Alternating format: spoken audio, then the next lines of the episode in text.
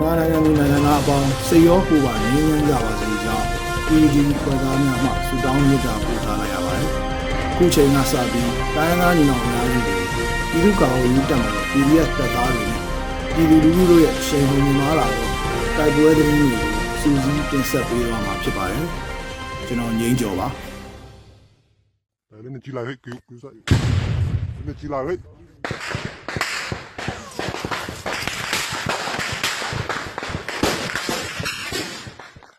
မဆုံးအနေနဲ့ကလေးမျိုးနယ်တောင်ပိုင်းတွင်စစ်ကောင်စီတပ်နှင့်ဒေသကာကွယ်ရေးတပ်ဖွဲ့ကြားတိုက်ပွဲဖြစ်ပြီးစစ်သား10ဦးထပ်မံသေဆုံးတဲ့တဲ့တင်ကိုတင်ဆက်ပေးပါမယ်။ကလေးမျိုးနီးပညာတက္ကသိုလ်မှတစ်ဆက်တောင်ပိုင်းသို့စစ်ကြောင်းထိုးလာသောကျန်းဖတ်စစ်တပ်နှင့်ဒေသကာကွယ်ရေးတပ်ဖွဲ့များကြားယမန်နေ့ဩဂုတ်လ2ရက်နနက်တွင်တိုက်ပွဲဖြစ်ပွားပြီးစစ်သား10ဦးထပ်မံသေဆုံးကြောင်း PDF ကလေးကသတင်းထုတ်ပြန်ပါတယ်။စစ်ကောင်စီစစ်ကြောင်းကိုနီးပညာတက္ကသိုလ်တောင်ဘက်တာယာကုန်း ရွာအနီးတွင် PDF များကစတင်ဖျက်တောက်တိုက်ခတ်ခဲ့ပြီးနနက်6နာရီခွဲမှမွန်းလွဲ3နာရီထိတိုက်ပွဲအပြင်းထန်ဖြစ်ပွားခဲ့ကြောင်းသိရှိရတာပါကလေးနီးပညာတက္ကသိုလ်တွင်တက်ဆွဲထားသောအကြမ်းဖက်စစ်တပ်ကတိုက်ပွဲဖြစ်ပွားရာအနီးဝန်းကျင်သို့လက်နက်ကြီးပစ်ကူများပစ်ခတ်ခဲ့ပြီးတေဆုံးဒဏ်ရာရစစ်သားများကိုတက္ကသိုလ်ဝင်းအတွင်းသို့တည်ယူသွားပြီး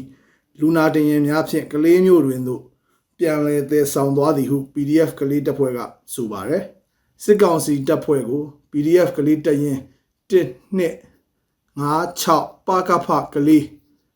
Falcon CDF CDF KKG RKDF တို့ကပူးပေါင်းတိုက်ခတ်ခဲ့ခြင်းပါဟိုအမေဒီလိုဝင်လာ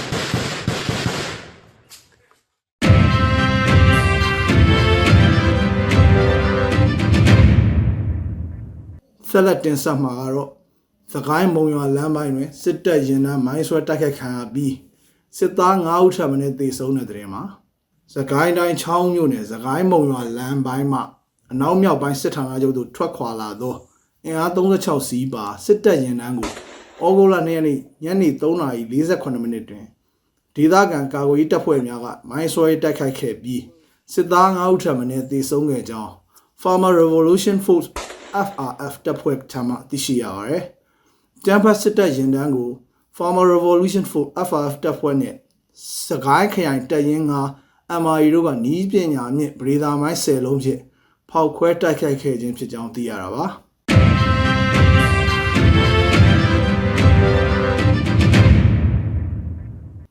ဆက်လက်ပြီးရခိုင်ပြည်နယ်တောင်ကုန်းမြို့နယ်မအီမြို့ရဲစခန်းမှနေရင်းကောင်းဆောင်တဦးဖြစ်သည့်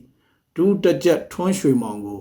အေးဖမ်းဆီးတဲ့သတင်းတင်ဆက်ပါမယ်။ဩဂုတ်လ၁ရက်နေ့ည၈နာရီအချိန်အမှတ်၁ရက်ကွက်နေအိမ်မှမအီမြို့မှရဲစခန်းသို့သွားစဉ်လမ်းခုလ၌အေးတပ်ဖွဲ့ဝင်များကဒူးတကြက်ထွန်းရွှေမောင်ကိုဖမ်းဆီးလိုက်ခြင်းပါ။လက်ရှိအချိန်တွင်မအီမြို့အခြေအနေမှာလုံခြုံရေးတိုးမြင့်ချထားမှုများစစ်ဆေးမေးမြန်းခြင်းများမရှိသေးတော့လဲစစ်ကောင်စီတပ်သားများအနေဖြင့်စိုက်ကယ်များဖြင့်2ယောက်တအုပ်စု 3ယောက်တအုပ်စုအနေဖြင့်သွာလာလှုပ်ရှားမှုများရှိကြောင်းသိရှိရပါတယ်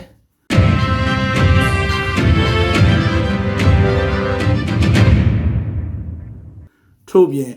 ကချင်ပြည်နယ်ဖားကန့်မြို့နယ်စိတ်မှုဆိုင်းတောင်ကြီးရွာတွင်ဒုရဲမှုကိုကိုလွင်နှင့်စစ်တပ်အရာရှိဗိုလ်တို့ကို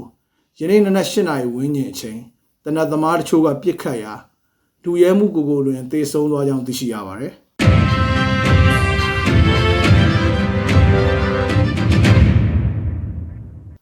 အရာတော်မြို့နယ်ရွှေဘူမုံရွာလမ်းနှင့်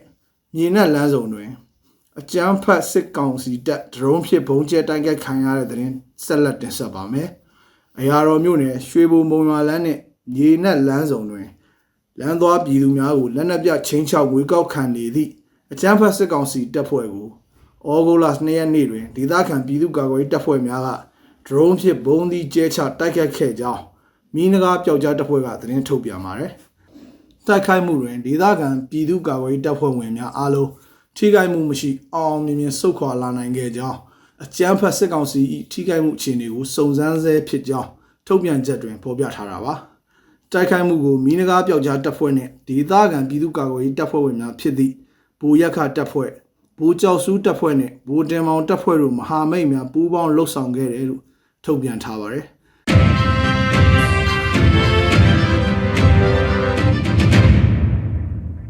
နောက်ဆုံးအနေနဲ့အမျိုးသားညီညွတ်ရေးအစိုးရပြည်ထရေးနဲ့လူဝင်မှုကြီးကြပ်ရေးဝန်ကြီးဌာနက2022ခုနှစ်ဩဂုတ်လ3ရက်ရက်စွဲနဲ့ထုတ်ပြန်တဲ့ပြည်သူ့ခုခံတော်လှန်စစ်သတင်းအချက်အလက်တွေကိုတင်ဆက်ပေးသွားမှာပါ။အာဏာသိမ်းအကြမ်းဖက်အုပ်စု၏ပြည်သူလူထုပေါ်အကြမ်းဖက်ဖိနှိပ်ဖမ်းဆီးတိုက်ခိုက်တပ်ဖြတ်နေမှုများကိုပြည်သူလူထုတစ်ရက်လုံးကအသက်ရှင်တန်ရေးအတွက်မိမိကိုယ်ကိုမိမိခုခံကာကွယ်ပိုင်ခွင့်ရပြည်သူခုခံစစ် People Defense War ကိုဆင်နွှဲလျက်ရှိပါတယ်။ သတင်းအချက်အလက်များအရ2ရက်8လ2022နေ့တွင်စစ်ကောင်စီတပ်ဖွဲ့ဝင်139ဦးသေဆုံးပြီးထီးကြိုက်ဒဏ်ရာရရှိသူ16ဦးအထိခုခံတိုက်ခိုက်နိုင်ခဲ့ပါတယ်။စစ်အာဏာရှင်စနစ်မြန်မာမြေပေါ်မှပြီးတိုင်ချုပ်ငြိမ်းရေးနဲ့ Federal Democracy စနစ်တည်ဆောက်ရေးအတွက်ငြိမ်းချမ်းစွာဆန္ဒပြသည့်လူထုတပိတ်တိုက်ပွဲများကပြည်내နဲ့တိုင်းဒေသကြီးများမှာဖြစ်ပွားပေါ်ပေါက်လျက်ရှိပါတယ်။မြေပြင်မှာယခုတွေ့ရတဲ့သတင်းအချက်အလက်များ ထပ်ပို၍ဖြစ်ပွားနိုင်ပါတယ်။